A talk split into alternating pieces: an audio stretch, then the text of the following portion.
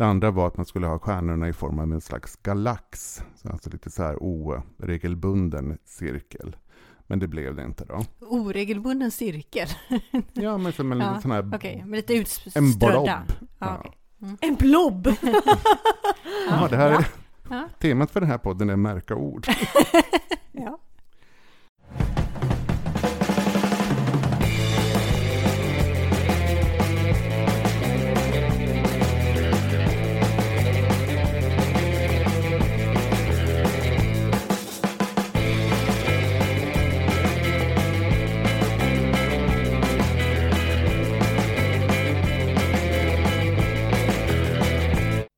Hej och välkomna till Euforipodden. Och Hej!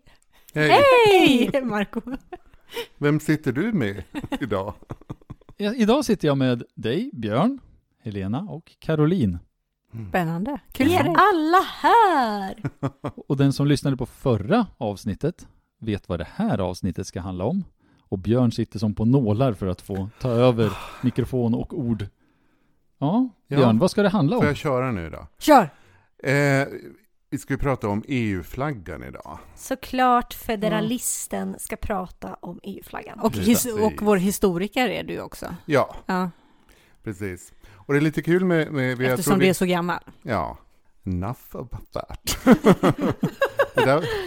Berätta hur det var när Jo, det men begav nu ska jag sig. berätta hur det var. Eh, men det jag tänkte säga också var att när, när vi sa att vi skulle ha det här som ett ämne, tänkte jag så här, ja okej, undrar om man kan fylla någon tid med det. Men, men i vanlig ordning, som du kanske håller med om Helena, så börjar man titta på något så är det ganska roligt och det har hänt massa olika saker. Det finns en massa fakta och kuriosa bakom saker och ting. Och så är det ju även med EU-flaggan då. Alltså man tar- liksom den minsta lilla grej och så visar det sig vara superkontroversiellt och folk liksom går igång på vad som helst nästan. Precis. Så man- även vi. Ja, Även vattensalamandrar kan vara väldigt spännande. Men här blir det lite mer en större grej. Och eh, vi var ju inne då i tidigare avsnitt här om Europarådet. Eh, Och Europarådet är alltså då den organisation som inte har med EU att göra, utan har 47 medlemsstater och ligger i Strasbourg. precis. Och den bildades 1949 och sen i mitten på 50-talet så kom man på att man skulle vilja ha någon slags gemensam symbol. Och eh, började diskutera det här och det kom in massor med förslag tydligen. Och man kan gärna gå in på Europarådets hemsida eller titta på Wikipedia så ser man långa listor där med olika förslag som folk hade skickat in. Fick vem som helst måla en flagga och skicka in? Jag vet inte. Jag, de, ty, tydligen så var det många som kände sig kallade där i alla fall. Jag kommer in lite grann mer på det sen, men de fick ett förslag bland annat som var en blå flagga med en gyllene stjärna i mitten som skulle då representera Europa. Men då föll det förslaget för man insåg då efter ett tag att det här är samma flagga som belgiska Kongo hade på den här tiden. Okej. Och belgiska Kongo var ju då, även om man jämför med andra kolonier, värre än någonting annat. Det fanns väl, ja, vi behöver inte gå in på det, det, men det var absolut ingenting man ville bli förknippad med. Det kom in då massa förslag och till slut så hade man en, eh, två förslag kvar som man tyckte var bra. Och det ena förslaget är det som vi har idag, eh, blå botten, 12 gula stjärnor. Det andra var att man skulle ha stjärnorna i form av en slags galax, så alltså lite så här oregelbunden cirkel. Men det blev det inte då. Oregelbunden cirkel? Ja, men som en Ja, sån här... Okej, med lite En utströdda. blob. Ja, Ja. okej. en blob! Ja, det här är, Ja. temat för den här podden är märka ord. Ja. Men vi kanske kan lägga upp den? Blobben. Ja, vi kan lägga upp, det finns massor av roliga förslag. Så vi, ja, det är ett tips här till vår sociala medieansvariga att eh, hitta massor på de här olika förslagen. Eh, men då i alla fall så skulle man ha den här blå botten och stjärnor. Och det var ju inte 12 från början, utan då tänkte man att man skulle ha 15 stjärnor. För man var, vid den här tiden så var man 15 medlemmar i Europarådet. Men då sa Tyskland nej till det. För att en av de här 15 det var Sarområdet. Och Sarområdet var ett område, eller ja det finns ju kvar, mellan Frankrike och Tyskland som var lite omstritt efter andra världskriget. Och tyskarna tyckte att det hörde till dem och fransmännen tyckte att det hörde till dem. Och fransmännen vann väl på sätt och vis och det kallas för ett franskt protektorat och sen lite senare så gick det över till Tyskland. Eh, eller Västtyskland som det hette på den tiden.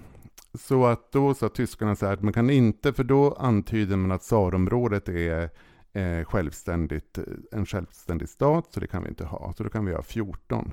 Men då sa ju Frankrike och tsarområdet nej, för då är det ju helt tydligt att man räknar bort tsarområdet, vi kan inte ha 14. Vi kan ha 13. Och då sa en italienare, vi kan inte ha 13 för det är ett oturstal. Just det. Så då blev det 12. Ja. Precis. Och det, de här 12 stjärnorna ska ju då inte, ja, i och för sig, nu är vi på Europarådet. Sen så föreslår ju Europarådet att man ska använda den här flaggan på, på alla europeiska institutioner, då främst då Europeiska gemenskapen som var på gång. Men varför ville de det? Ville de inte ha sin flagga för sig själv? Ja, men de var ganska osjälviska när det gäller det där och ville att det här skulle då spegla eh, harmoni och enhet eh, för de europeiska folken. Pränta in det europeiska varumärket helt enkelt. Copyright var inte någon stark grej på den tiden. Nej. Och sen så finns det då jättemånga där historier och teorier kring det här. Och eh, jag lyssnade på en intervju av en man som heter Levi som var med på den tiden. Eh, så det kan man titta på Europarådets hemsida. Och han, eh, det, som det alltid är när sånt här kommer upp så i efterhand så säger flera personer att ja, det var ju mitt förslag som vann. Eh, och det sa en man som heter Heitz. Men sen säger Levi, nej, det var inte hans förslag, han var möjligtvis in the room, säger han. Och den här Heitz, han kom med en massa förslag, sa Levi. Han ville komma med förslag på hur de nationella flaggorna skulle se ut präglade av e Europa och EG. Eh, han ville bestämma om man skulle trycka mynt, hur de skulle se ut och sådär. Så han säger att han, han kom med alldeles för många förslag. Så att Levi har lite grann tagit det här, att han kom på det. Och han tyckte att det var en sån bra idé, för 12 är så många olika saker. 12, det är 12 månader på året, det finns 12 stjärntecken. Det är 12 timmar på dagen, den ljusa dagen. Eh, Herkules hade 12 stordåd. Jakobs söner i Bibeln var 12 stycken. Så det var ju då jättebra det där. Så det är någon slags magiskt nummer? Och 12 apostlar och så vidare. Och så berättar han då att, ja då upptäckte de ju också det här med att eh, Jungfru Maria många gånger eh, avbildas med 12 stjärnor över hennes, sitt huvud. Och Eh, jag ska titta på min fusklapp här för det är så många olika saker här. Sen så kom det fram lite senare också att eh, när man eh, undertecknar den europeiska konventionen om mänskliga rättigheter så tittar man upp efteråt i, i, taket på den salen. Och vad var det där? Jo, en cirkel med tolv gula stjärnor. Oj, Oj, det här låter som en efterhandskonstruktion. Ja, precis. Och sen så var det då också den här kopplingen till Jungfru Maria var ju då att när man då väl antog det här i Europarådet, det var den 8 december 1955, det också sammanföll med katolska fi firandet av den obefläckade avelsen. Ah! Men det är lite mm. sådär ändå att det finns så mycket starka kristna kopplingar i det här. Jag trodde inte att det skulle ha någonting med religion att göra faktiskt. Sen en annan rolig grej som inte har med religion att göra och det är lite typiskt som man tänker på även idag att eh, när man skulle anta den här så vill man kalla den för en flagga. När man antog den på EUs institutioner skulle man kalla det för en flagga, men naturligtvis så tyckte ju då Storbritannien till exempel nej. För då låter det som att det är en stat. det får heta eh, logga istället. Ja. är det sant? Så man, man skrev logga i kompromissen, men sen så har alla ändå talat om en flagga. Aha. Precis. Så, så, när man hissar EU-flaggan så hissar man egentligen en flagga med EU-loggan på? Ja, EU-loggan e på ett tygstycke. Ja, just det. Precis.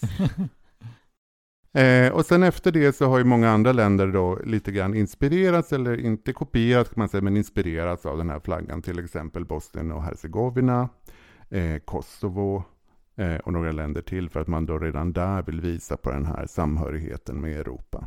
Mm. Men det är ju ändå ganska stort att de anpassar sina flaggor efter ja. Europaflaggan eller EU-flaggan eller loggan eller vad vi nu får kalla den. Snacka om att bygga varumärke. Mm. Verkligen. Mm. Gjorde de det på det sättet som den här Heights, eller vad han hette, föreslog? För han, han hade väl förslag på hur man skulle göra de nationella flaggorna närmare EU. Ja, fast han hade, som jag förstod så hade han ett förslag på att and- alla länder skulle ändra sina flaggor utifrån någonting som han hade ritat. Men det hade han inte någon stor Men de här framgång. Balkanländerna, de har inte sneglat på hans förslag där innan de... De är ju, alltså det är ju just de här stjärnorna som, som är det som tema som återkommer hela Mm. tiden. Och det. kan man ju, som ni har hört, läsa in hur mycket som helst i, så att säga. Just det. Eh, nu finns det ju då om man vill använda flaggan eller loggan, för det är också i form av en logga och den måste man använda kan jag berätta. Om man till exempel gör något, genomför ett projekt som finansieras av EU, så måste man i alla trycksaker och eh, till och med e-post och alla sådana saker måste man ha den här loggan med och då finns det väldigt tydliga instruktioner på vilka millimeter den ska vara och hur den ska vara för förhålla sig till allting annat och sådär. Så det brukar nästan vara en av de knepigaste sakerna att få till där man ska göra sitt eget brevhuvud för ett projekt. Just Kan det. du ge något exempel?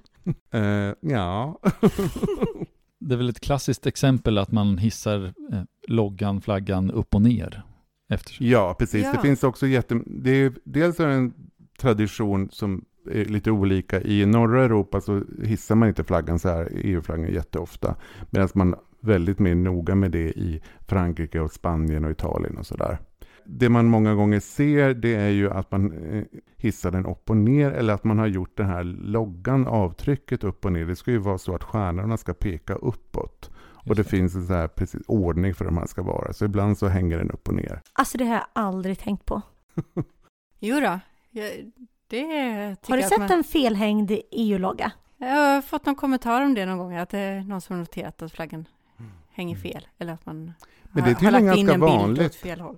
För jag läste om någon sån här flagg, eh, läste en intervju med en flaggspecialist i Sverige på det här med svenska flaggan. Tydligen så hänger folk den upp och ner ibland och lite, de använder vimplar som är åt fel håll och så vidare. Och då hänger de flaggan upp och ner. Ja, man har en sån här vimpel till exempel så finns det, den här Ja. smalare.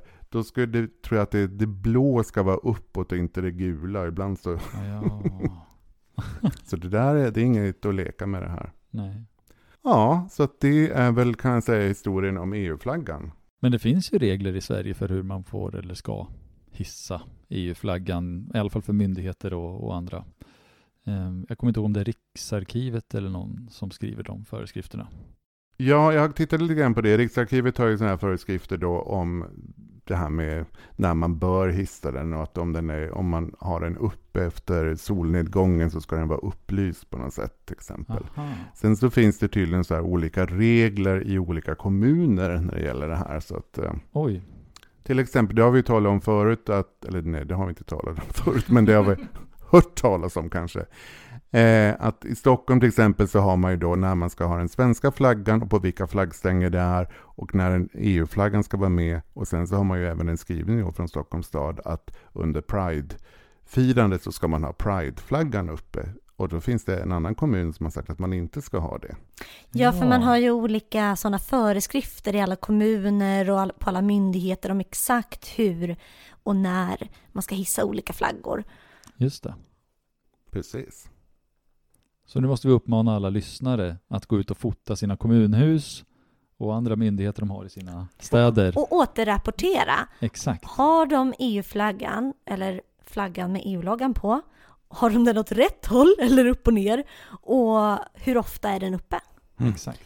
Men det var ju jätteintressant nu under när coronapandemin blossade upp att se presskonferenserna eh, från regeringen. Att min uppfattning var att då var EU-flaggan borta från bakgrunden, det bara var svenska flaggor. Mm.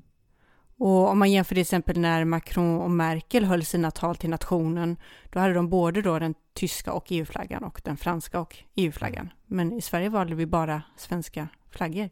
Det är ju väldigt stark markering. Men har inte regeringskansliet varit ute och dementerat det där som ett eh, illvilligt rykte? Det vet jag inte. Kanske du kan upplysa mig om. Det är det jag har hört att det ställdes, var det Susanne Palme som eh, vände sig till regeringskansliet för att få klarhet i det här? Ja, jag har hört det också i Europapodden. Och fick då svar av regeringskansliet att nej, den hänger visst där. Jag vet inte vad du pratar om.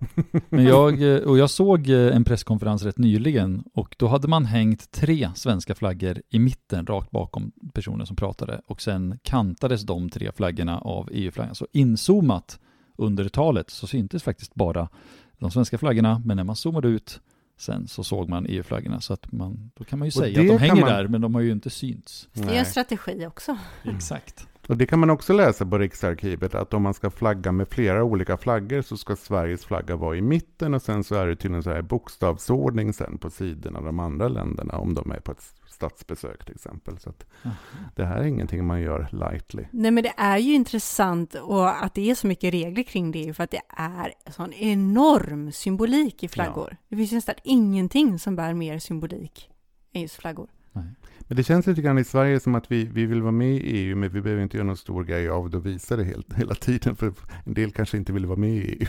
Nej, men tänk, känns det inte lite så här att flaggan, det är ju ett, ett, en symbol som man använder liksom i nationalistiskt eller patriotiskt syfte. Och vi har inte varit så himla mycket inne på det där i den politiska eh, jargongen tidigare. Så mm. därför har inte flaggor generellt sett varit någon stor grej. Och då har man inte heller brytt sig om eh, EU-flaggan. Medan det är en jätteviktig symbol för staten och nationen i Frankrike. Mm. Och då, mm. då, då får ju också EU-flaggans närvaro en annan betydelse. Ja, absolut. För jag, jag menar, jag känner inte så här, ja, okej, okay, de kanske hänger där eller inte. Det, det betyder inte så himla mycket för mig. Nej. Det betyder mycket för mig. Såklart. Det förvånar oss inte, Caroline. Jag tror att det kan vara så att flaggan och EU har en helt annan roll och betydelse i samhället i de länder som var med och grundade EU än det har i Sverige, där vi har gått med på senare tid kan man ju säga. Och dessutom inte har varit helt säkra på om vi ville gå med med endast 52 procent som sa ja. Mm. Ja, jag tror absolut att det är båda de förklaringarna är de, de stora förklaringarna. Att vi inte, vi har inte ett sånt nationalistiskt, eh, någon sån liksom stark känsla i Sverige generellt som man har i Sydeuropa till exempel. Och sen just att vi inte har samma historia till EU och allt som har hänt på den europeiska kontinenten. Men det blir väldigt spännande att få höra från våra lyssnare hur deras flaggvardag ser ut. Här ser vi verkligen fram emot återkoppling. Och då etablerar vi hashtaggen Euforipodden. Ja. Så att, man, så att vi kan få upp alla bilder som våra lyssnare ja. lägger upp. Mm. Ja, nej, men det var EU-flaggan. Så nu vet ni det. Ja, det var ju jättespännande. Och att det finns så många olika teorier och förklaringar. Och att det finns så många olika personer som gör anspråk på att vara de som har lagt fram idén. Ja, precis. Men ja, jag tror lite grann som Helena att det är lite efterkonstruktioner på vissa. ja. så kan det nog vara. Men man måste ju ändå ha träffat rätt när man ändå såg de där stjärnorna i taket efter att man tittade ja. upp efter beslutet. Vilket... Gör inte det varje gång ni har skrivit under någonting så fäller ni upp huvudet och tittar upp i taket. För att se om det, för att se om det vi har beslutat om står där. Mm. Ja, det var jätteintressant. Tack så mycket Björn. Ja, och eh, som sagt, vi har redan pratat om sociala medier så vi behöver kanske inte älta det så mycket. Men vi finns ju som sagt på Instagram och på Facebook. Hör av er. Ja, så hörs vi snart igen. Ja, tack för idag. Tack, ha det gott. Hej. hej. hej.